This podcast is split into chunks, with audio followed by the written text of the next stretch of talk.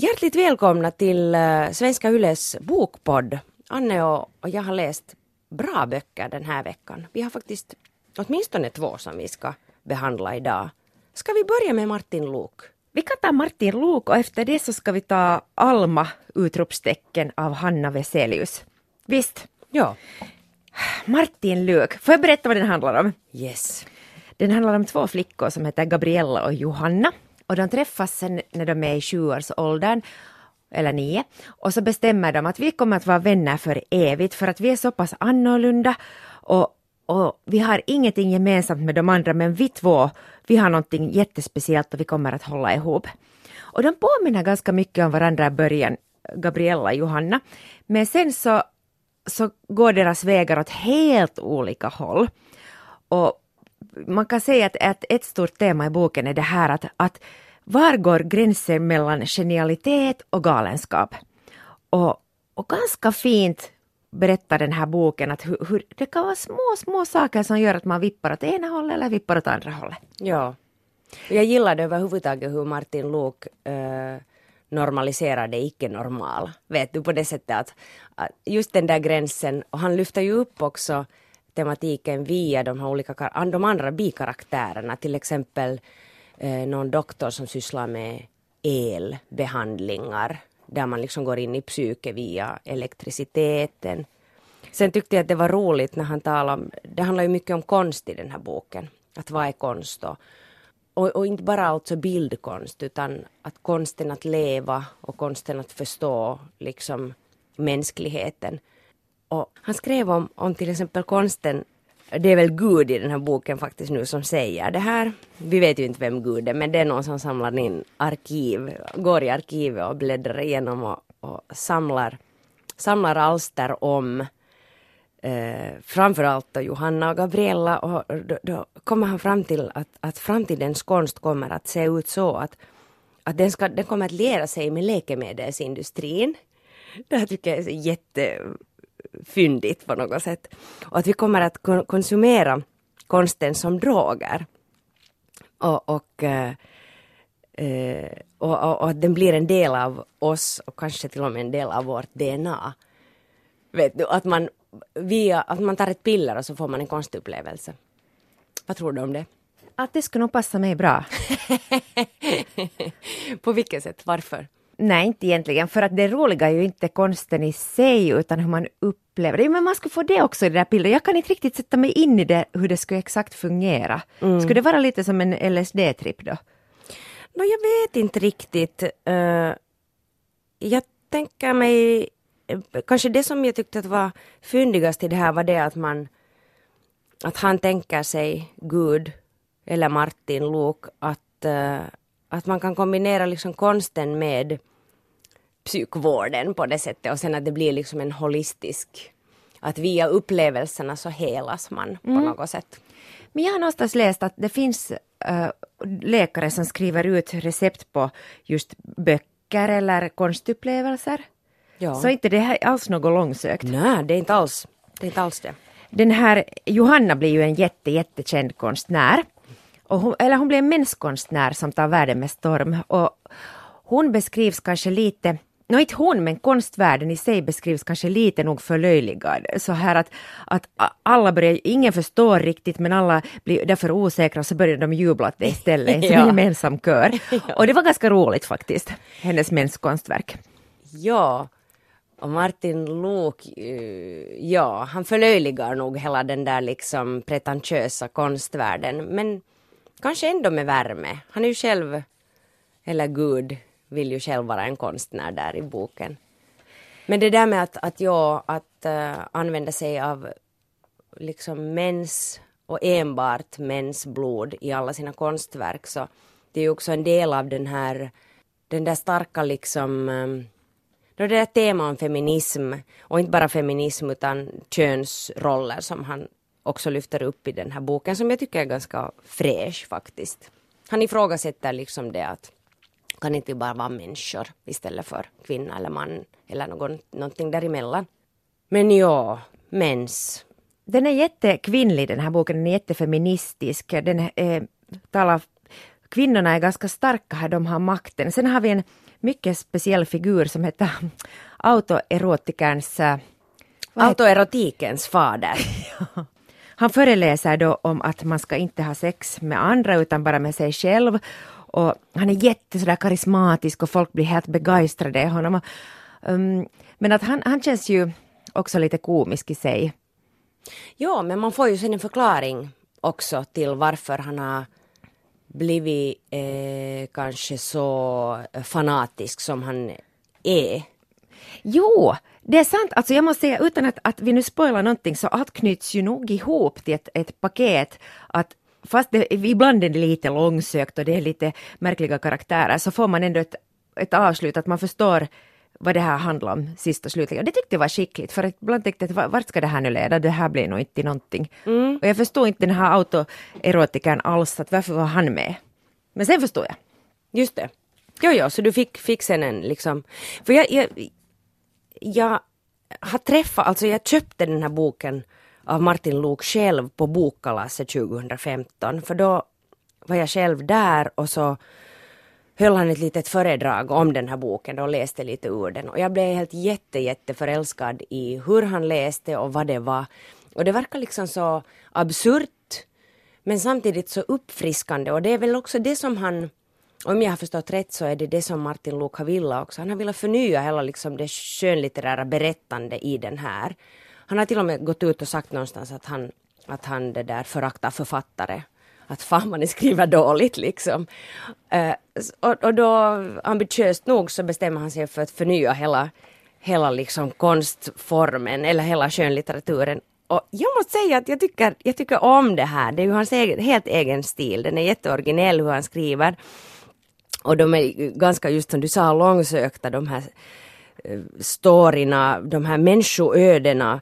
Mm, det finns en före detta överbefälhavare som har det väldigt svårt och Aina och Henrik kommer plötsligt, plötsligt in där, där är ett par med en kvinna som är rädd att resa och, och det, det är lite plotter och plitter hit och dit och man undrar att och ibland faktiskt fortsättningsvis så är det vissa kanske karaktärer som jag inte förstod varför de egentligen var där. Men samtidigt så gillar jag det där att han, att han visar just den här hur livet är och det är ju det han letar efter i den här boken, livets mening på något sätt. Och det får vi, vet du vad? Vi fick ett svar. Ska jag säga det? Säg det. Eller ska jag spoila? Säg ska jag det. icke spoila? Säg livets mening. belöna kaos. Det är det han kommer fram till. Jag har faktiskt tryckt under det där för jag tyckte det här var fint. För det här är så enkelt egentligen. Han säger så här att, att vi måste börja belöna kaos för vårt kaos är universums ordning och vi kommer att halka efter som art om vi bara använder våra mänskligt skapade linjaler till att mäta nytta. Och att våra nuvarande belöningssystem som belönar det snabba och det starka och det här tydliga och det horisontella har redan haft sin tid. Att nu måste vi liksom plocka fram nya belöningsmodeller som ser, ser till universums mångfald. Det där är ju... Det är jättefint. Här finns hemskt, hemskt, hemskt mycket visdom. Det där hade jag, alltså nu hade jag ju läst det där men det hade jag hoppat över. Jag hade inte sträckt under just det där. Det finns så hemskt mycket visdom och det kan komma i en mening bara och sen är det förbi. Jag tyckte hemskt mycket, det här är inte på det sättet lika stort men en sak som jag inte har hört någon annan säga tidigare är att integritet och rädsla är nästan synonymer. Okej, bra. Och det här är något jag funderar jättemycket på för att jag är en person som har hemskt lite integritet. Jag står och fladdrar med alla byxor öppna samtidigt. Och man säger alltid att integritet är så fint och det är så jättefint att hon har så mycket integritet och bla bla bla. Och så har jag tänkt att jag håller inte riktigt med om det där. Okej, man kan mena olika saker med, med integritet. Men jag tycker inte att det är något sådär jättefint. Jag tycker det är finare att inte ha som, att visa vad man har för, alltså visa vad man har Mm. Men vad betyder integritet? Eh, jag har, jag har också en bild av vad det är. Eller, eller ska vi säga så här, jag har faktiskt funderat på det där ordet många gånger för att det är någonting som jag, jag har beundrat i personer. Det har varit sådana e- egenskaper, just det som jag inte själv har så har jag tittat wow att, att hon eller han har så stark integritet. Men börjar du, vad betyder det för dig att Nå- ha stark integritet? Nå, ofta så tänker jag att, att det är någon som står ganska bergfast och den är, den eh, tror har starka åsikter och den tror på dem och, och, och lite sådär orubblig. Att det är motsatsen till en opportunist kanske, vilket är, allt det här är positivt. Men sen så är det kanske också någon sån lite snörpighet och upptajthet. Vet du, man, man bjuder inte på sig själv. Att man sitter, om man är sur så är man sur, då sitter man i soffan och suras. Mm, och att man känner att man har rätt att få sura där. Ja, och, och det här är någonting som inte jag beundrar jättemycket. Att, jag tycker att vi är vuxna människor, då får man inte sura, så då smilar man och är glad vare sig man liksom eh, vill hoppa ut genom fönstret eller inte. Ja, eller man behöver inte smila men man får ta i beaktande och ta hänsyn till andra, de som är omkring en kanske. Men man behöver inte heller liksom ta hand om andra. Nej. Att det är ju det som jag kanske beundrar i de som har stark integritet, att de förstår att de tar bara ansvar om sig själva och, och sina egna känslor och kör sitt eget race. Men man skulle kunna få några kryddor. I, i, jag skulle gärna ta några kryddor av en person med stark integritet. Samma, samma här, samma här. Det är väl därför jag har lite svårt med det. Ja, det kan hända. Men vet du vad tror du Anne, att det finns folk som tänker att ah, den där Anne Hietanen, hon har nog stark integritet. Nej, inte den Är du säker? Jo, jag tror det. Är du helt säker? 100 procent säkert. För att jag, jag, är så mån om att, att försöka att det ska vara bra stämning. Okej, det härifrån kommer jag lite, det här börjar komma lite bort ifrån, men alltså om, om det skulle behövas så skulle jag kacka på mitt eget huvud om det skulle skapa lite fred i världen. Mm. Inte det är ju integritet. Kommer du ihåg en notis, nej det var mer än en notis i en artikel, det är för exakt tio år sedan. Så var det på, eh, i en lägenhet i Kungsholmen som grannarna tänkte att nu har det igen dött någon i lägenheten, att, att, att det luktar för illa här, att det går inte mera. och polisen kallades dit och man tänkte då man hade färdigt det där att skulle ta ut kroppen därifrån, men inte var det, det var en kvinna i full fjong i mm. lägenheten med sina elva husdjur som var vita stora svanar. Du ja. kommer ihåg det här? Nej, jag kommer inte ihåg det, men alltså jag vet ju, jag läste på sen lite, jag, jag funderar på den här, för att det här är ju ett tema som lyfts upp i boken. En av, en av huvudpersonerna blir en svansamlare. Och det kom ganska snabbt fram sen när jag lite läste att jo, det här baserar ju sig på en, en riktig händelse. Och att det de facto fanns då en, en galen, kanske galen kvinna som höll på med det här och det gör ju en av huvudpersonerna här. Och det tycker jag, det är liksom en sån här, så som jag kände för Gabriela som då är, hon är ju superbegåvad och Johanna upplever att hon har kastat bort sitt liv och hela sin begåvning och allt vad hon kunde ha uh, förverkliga och få till stånd. Medan Gabriella, det, jag menar hon äger ju sitt liv och hon äger också föreställningarna om vad som är att lyckas eller, eller misslyckas. Och hon känner att nej, hon har inte misslyckats. Och det, att hon är en evig protest mot det normala. Så jag vet inte, det är någonting som är så friskt med de där, de där svanarna som hon tar in dit. Och man tänker bara att oj, att det måste lukta så illa där och hon har inte tvättat sig nu på jättemånga veckor och inte bytt kläder. Och ändå så älskar man henne lite. Men Johanna har ju svårt att älska henne. Men Johanna har lite svårt att älska sig själv också. Det är väl det. Men jag måste säga att, att den här Gabriella är mycket speciell. Att vi är så in, vad ska vi säga, indoktrinerade i det här att vi måste lyckas, vi måste bli framgångsrika. Och att, att, det, att någon inte utnyttjar sin briljans ja. är oerhört provokativt. Ja. Och jag har också alltid tänkt att man måste bli något, att ens plikt är att man måste bli någonting. Ja, speciellt om man är jätte, jätte genial och liksom kan grejer som andra inte kan. Att inte fasen får du kasta bort det, men hon har ju rätt att göra det. Absolut, och sen också att hur den där gränsen är så tunn, så tunn, så tunn. Att tänk om hon skulle ha istället sagt att det här är ett konstverk. Den här ettan med de här svanarna, det är ett konstverk. Ja, ja precis. Ja, och det heter... Då hade hon varit ett geni. Ja, det där var jättebra poäng, verkligen.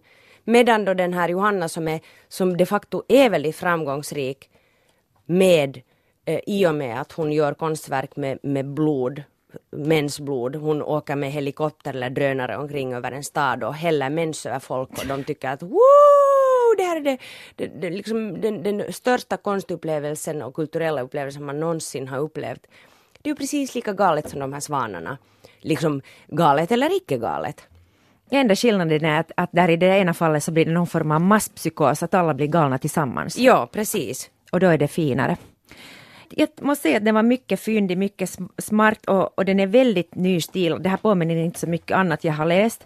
Och uh, han har tidigare gett ut också texter som har varit såna här korta, mera pamflettaktiga. Ja, det här var ju hans debutroman. Ja. Och jag blev lite sugen på att läsa dem. Han har gått runt i Stockholm och spikat upp dem på så telefonstolpar, de här små texterna. Och före det så var han ju med i Killinggänget. Jag har vuxit upp med dem. Mm. Och han har bland annat manusförfattat den här, äh, var en av dem som har manusförfattat det här Fyra nyanser av brunt och sen yes. Torsk på Tallinn. Ja, den var bra. Jag måste bara kort inflika att den här Torsk på Tallinn har den scenen som har berört mig mest i hela universum, av alla scener, i alla filmer. Wow, vilken! no, det är Robert Gustafsson spelar en man som ska fara till Tallinn och träffa en kvinna. Och han blir liksom nästan, han är nästan lycklig av att tanken på, tänk om han skulle äntligen få dela livet med någon och han har så mycket förhoppningar och han är så fin typ och så här och han har inte lätt att träffa människor men kanske i Tallinn träffar han. Och den där resan blir en stor succé för många, nå, no, no, på sätt eller annat, men, men no, för honom blir det inte en så stor succé. Och det där när han sitter i bussen och reportern frågar av honom, jag börjar nästan gråta, att no, men hur var resan? Och hans liv har just krossats, hans drömmar, allt har försvunnit under hans fötter. Så säger han att ja, no, det, var, det var nog ganska bra. Okej. Men den, den där filmen, allt det där det är barn av sin tid. Jag tror, jag kan, det kan hända Absolut. att de inte har åldrats med värdighet, men, men jätteroliga texter han skrivit tidigare, eller liksom manus. Ja. Känner du liksom att den här var, uh, var det en mörk eller en ljus historia? No, jag, jag, jag, jag frågar dig först. Men... Jag tycker att den var, alltså det här klassiska klichésvaret, den var både och. Alltså den var ju liksom samtidigt så var den, den var på något sätt liksom både mörk och ganska sådär overklig. Att det var nästan som drömvärldar som man gick in i. Men sen var den också sådär ljus och, och förlösande på något sätt. Och den gav någon sån där tröst, tror jag, för, till många. Den är trösterik liksom. Jättevacker. No, jag säger så här att jag hade väntat mig att den skulle vara roligare och ljusare. Jag hade väntat att få skratta riktigt mycket. Jag hade bara tänkt det nu är Killinggänget, Killinggänget. Så det blev lite, jag började läsa den lite snett och mm. de hade svårt att acceptera den här stor, historien i början och tänkte vad ska han nu den här skriva om två unga flickor, att det är ju bara värst. Men... Ja, just det, ja. Men den är vacker och den är skriven från hjärta. Sen hade jag hemskt svårt med den här pärmen som är då mensblodsfärgad ja. med en svan på. Det var så äckligt, usch! Så jag, det var alltid lite motbjudande att ta i den här. Jag tycker att det är så jätteroligt med den här pärmen, det här um, omslaget i papper som då omsluter den här själva ombundna boken. Så det där pappret är liksom på låtsas söndrat. Alltså det är målat så här att det här pappret som om, som om det skulle ha liksom spruckit och rivits upp i kanterna. Men det är bara liksom målat eller fotograferat. Det tycker jag är lite roligt. Mm. Hur, hur tolkar du det? Jag tolkar det som att det här är en bok som man ska läsa om och om och om igen och, och det där fingra på mycket och att den får vara med i vardagen. Jag tänker också att det, det, är exakt så, men att det är också det där att kaos, som, nu, nu tänker jag med den du berättade, att vi måste omfamna det, att det ska inte, behöver inte vara perfekt och fint. Mm. Jag, jag avskyr till exempel att använda anteckningsblock. Jag vill att de ska vara splitter nya och så ska allt börja nytt och fint och det ska bli perfekt. Just det. Och, och det gör ju mig bara olycklig. Så jag, Starting over. Ja, på ja. nytt och på nytt och på nytt. Men vi, måste, vi, kan inte, vi kan aldrig bli nya jag. Vi måste, alltid, vi måste fortsätta med det gamla lite söndriga och, och det livet. Ja. Hej, vem tyckte du, vem kände du mera för, Johanna eller Gabriella? No, nu, nu Gabriella. Samma här. Det är alltså hon som, som far lite som... över till vansinne. Ja. Det där tillståndet är så speciellt, det är så intressant det där, just det där galenhetsgränsen. Jag är själv jätte, jätterädd för galenskap. Mm. Alltså riktig galenskap. Samma här. Men jag är nog väldigt intresserad av den där gränsen och jag skulle, jag, mm, allt det där som är på rätt sida, det andra blir jag sen rädd för förstås. No, det är väl det som jag kanske upplevde som förlösande i det här att Gabriella de facto var till synes liksom galen men egentligen var hon inte. Och det var så skönt att titta och iaktta henne och följa med henne och se att ja, det, här, det är helt okej, okay. det här är okej. Okay. Och att liksom att öppna gränserna för mer och mer okej-samhet. Liksom att det här är okej och det där är okej och nu utvidgar vi och vi utvidgar. Och sen tyckte jag, jag måste nu ta upp en grej som jag, jag tyckte att var jätteträffande och, och liksom en bra bra insikt som han skriver om det där att eh, när Johanna har träffat autoerotikens fader så säger hon att hon kände att hon äntligen blev sedd. Att yes, nu blev jag bekräftad. För de facto så kommer det sen fram här, det, jag, det, det, är väl Gabriella som funderar på det här med att, att varför, varför är det här liksom äh, att det är en slags universal lösning på alla universala problem, att man ska bli sedd och, och det är liksom på något sätt förenklande och, och förbilligande att, eh, här står att jag tycker inte om tanken på att alla som gör någonting speciellt automatiskt gör det för att de behöver bekräftelse. Att det, att det är bara liksom en del av eh, det är bara en komponent, komponent i den här liksom drivkraften. Att viljan att göra någonting vackert, viljan att omdefiniera skönhet, viljan att uttrycka sig, att underhålla, att förändra världen. Också att bygga en egen värld. Att allt det här blir neddraget till det här enda, det här som att söka bekräftelse. Det blir som ett, på ett sätt ett sjukdomstillstånd och att vi lever i en tid då nästan allt utanför det absolut normala då är, är bara olika grader av sjukdomstillstånd. Så det där tycker jag är skönt att liksom ge creds till den som, som eh, vill göra saker och kanske synas. För det är så lätt i dagens värld att säga att någon att ja, ja, men han eller hon gör det bara för att vara märkvärdig eller för att få uppmärksamhet eller för att, för att äh, egot eller självkänslan är på något sätt söndrig att det här är liksom inte rent och fint. Att det, det, finns alltid någon lite så här tjaskighet kring det där att man vill skapa eller visa upp eller uppträda eller vad som helst. Nej, det är bara en del av det. Det finns allt möjligt annat också där. Mångfald. Åh, världen är ljuvlig. Nej, vad fint. Jag fick hemskt mycket fina tankar nu. Åh.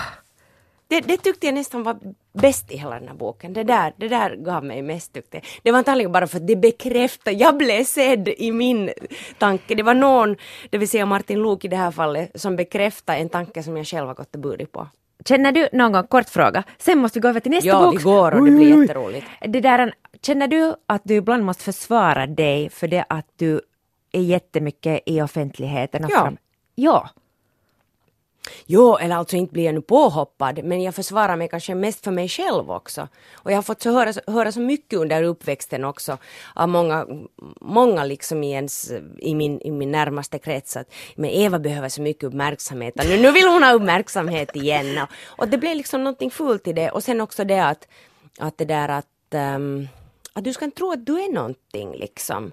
Så att jag måste hela tiden lite fundera på att vad är mina motiv? Varför gör jag det här? Vad får jag ut av det? Är det jag som njuter? Och får man njuta själv bara av det? Eller hur mycket ska man ge ut av det man producerar eller gör? Men mindre och mindre i och för sig med åren hela tiden. Att jag, jag bejakar också den där eh, narcissisten i mig. För att hon kommer inte att dö ut. Men sen finns det många andra komponenter i mig som, som inte är narcissistiskt. Eh, eller jag inte liksom, det, det är inte något fel på det, att vara lite narcissistisk. Alla bär väl på någon form av narcissism kanske. Absolut. Oj, oj, oj, oj, så spännande. Oj, oj, oj, oj. Nu är det spännande. Ja, nu skulle man ju vilja prata bara om det här ända till slut, men vet du vad? Det finns uh, mycket att prata om nästa bok också. Uh, jag är jättesugen på att höra vad du tycker. För att alltså, jag, jag, jag, avstampe är ju det här att uh, Alma, utropstecken, skriver av Hanna Veselius som är egentligen... No, hon, hon har skrivit dikter och, och prosa och, och, och... Nej, förlåt, inte prosa utan poesi och kanske kortprosa eller något sånt. Och sen är hon... Hon har jobbat som bildjournalist, bildkonstnär och fri skribent. Och hon uh, undervisar på Aalto-universitetet. Okej. Okay. Ja. Men uh, avstampet för mig var det att jag hade jättehöga förväntningar på Alma.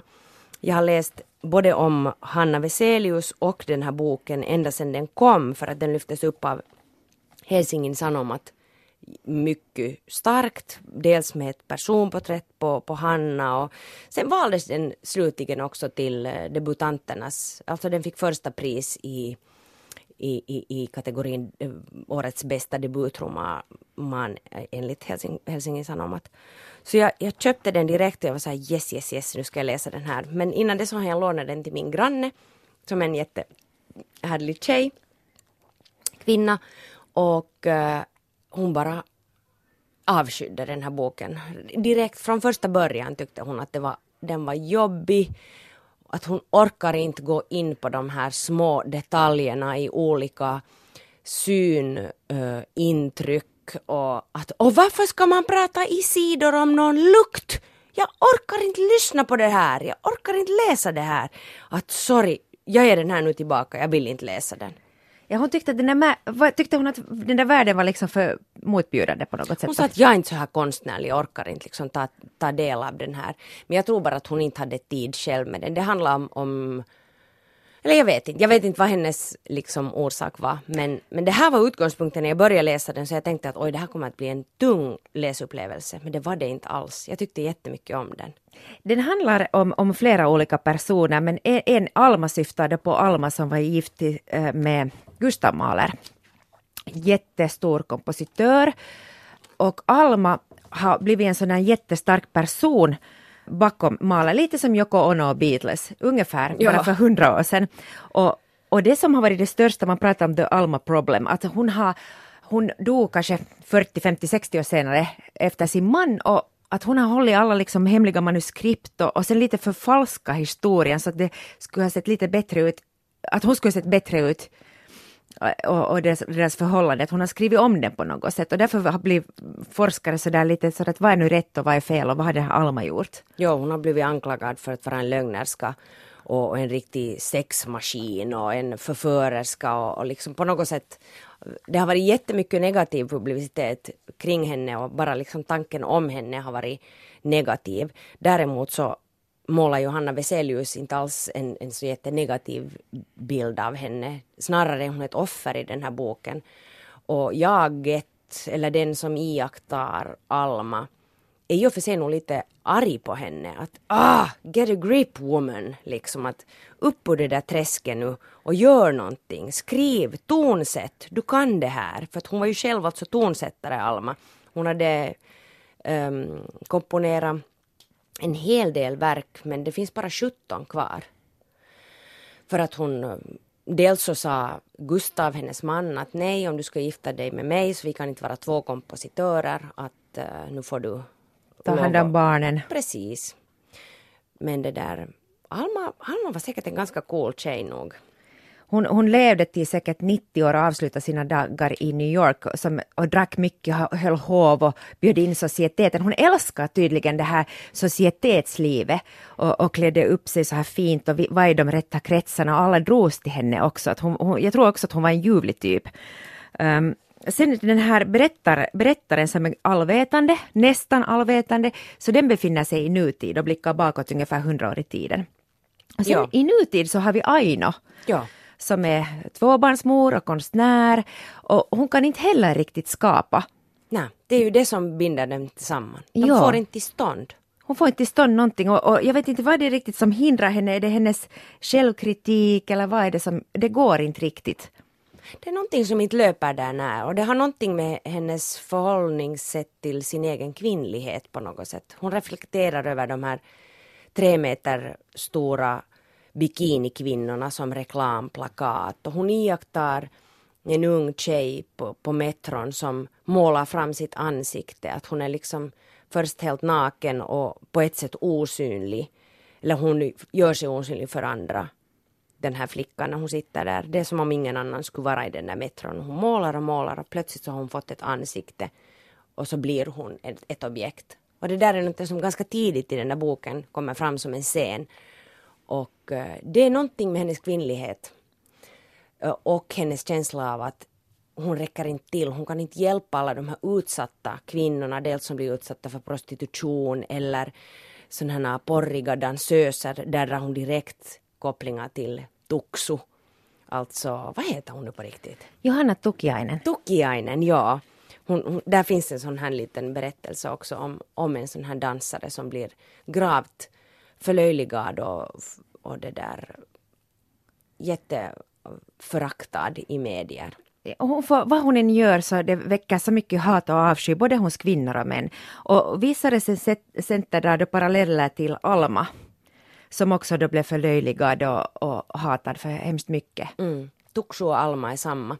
Nej, jag vet inte, men alltså det finns nog, eh, säkert finns det sådana parallella sam, sam, liksom likheter på något sätt. Kanske... De, de är liksom både fulla och ofullbordade. Vet du? Ja, och sen det som är, de båda har detsamma i den här frivoliteten, den här sexualiteten, ja. att de är så mycket kött och det får de inte vara. Det är liksom... Nej, fan, de är ju kvinnor. Mm. Och de, de, får vara på ett visst sätt men det får inte sen vara för mycket att det blir som en tårta som är för söt. Ja precis, ja och det som hon gör bra tycker jag Hanna här att hon beskriver just uh, Kanske just för att hon är fotograf och har iakttagit så mycket, observerat så mycket detaljer och, och små uh, stunder i rörelser som hon försöker fånga och det gör hon i, i texten och jag tycker hon gör det otroligt vackert.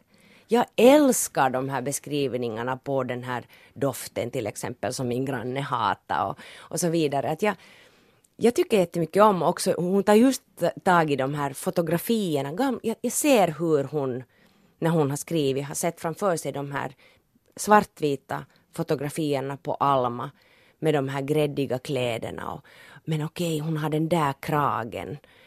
Sån krage skulle man inte ha på den tiden. Och det, jag, jag är jätteimponerad över hennes sätt att skriva. Det, det är nog det som, är, det är det som bär faktiskt i den här boken. Vet du vad jag lite tyckte att jag försökte dra lite paralleller. Jag tyckte att stundvis så påminner det lite om Sanna Tahvanainen. Eh, det kan hända. Det är något sån här intuitivt skrivande. Alltså jag kan inte förklara det men det känns som att hon har det kommer inte från huvudet utan det kommer på något sätt från kroppen det där skrivande. Att det känns väldigt äkta och sen också förstås att Tahvanainen skriver om historiska kvinnor och här är nu Alma. Så det kan ja, hända det sant. att tanken får dit därför. Det är sant, men sen är det ju också det att båda har ju också en bakgrund inom poesin. Uh, så, och det är ju ganska måleriskt liksom det här språket och det har ju Sanna också. Så att nej, inte alls en dum, dum liksom parallell. Det som jag hade lite svårt med var alla utropstecken och alla fula ord. Och sen... Ah, ja, jag har inte ens reagerat. Det var så mycket fula ord. Jag måste tvätta munnen efteråt. Och Va? Ja, och sen... Var då? No, kanske i mitt huvud, men jag upplevde att det var hemskt mycket. Vilka fula ord? Säg ett fult ord, jag kommer inte ihåg ett enda. Det var vittu och det var... På riktigt? Ja, ja, det var upp och ner. Hur har jag minst... Tyckte jag! Och sen, så kanske för att finskan på något sätt inte, liksom det är inte kärlekens språk för mig, så tyckte jag att den här berättaren var så bitsk och ond och bitter att jag ibland ryggade tillbaks. Att det kom så mycket mm. hat fram. Det var liksom så naturalistiskt kanske. Ja, och det var så elakt. Vet du, hon blir hela tiden kallad för kossa, Alma. Hon är en kossa, hon är, ja. det är för mycket lyckas. Men det var ju det här att kossorna är som... Det är den där juristen egentligen som säger är det. Att kvinnor, är, kvinnor är kossor. Att, att då när de är på ett visst sätt så är de som kossor. Och hon vill ju absolut inte vara kossa den här juristen. Och hon är inte heller. Nej. Och kossorna är de där som bara står lojt, följer med, låter sig bli utnyttjade. Folk kommer att ta mjölk av dem och de bara låter sig liksom beslagtas. Såna kvinnor. Finns det män? Komän? Nej, aldrig man ska sätta en man som en kossa.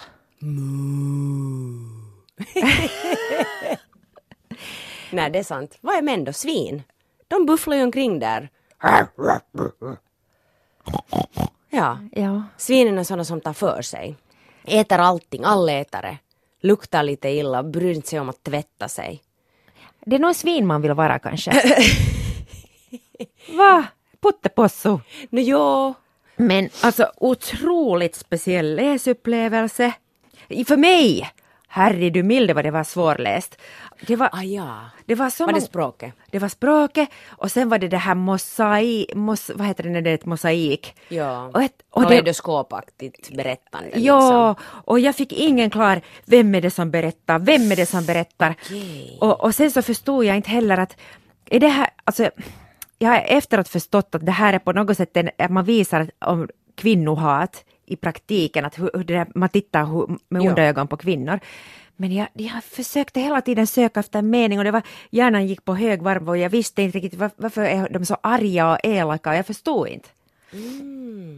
Det där är nog intressant att jag inte alls har upplevt fula ord. Jag har inte upplevt hemskt mycket utropstecken, varken liksom i tanke, på tankeplan eller utskrivna utropstecken. Och jag har inte känt så mycket ilska faktiskt här och elakheter utan jag har mera tänkt på att, ja just det, att, att det här är, det är så långsamma maskinerier. Eh, och att det att, någon, att förändringar i samhället, liksom i strukturerna, det börjar ske. Så det betyder inte alls heller att det alltid går liksom ens åt ett och samma håll, utan det är så spretigt liksom.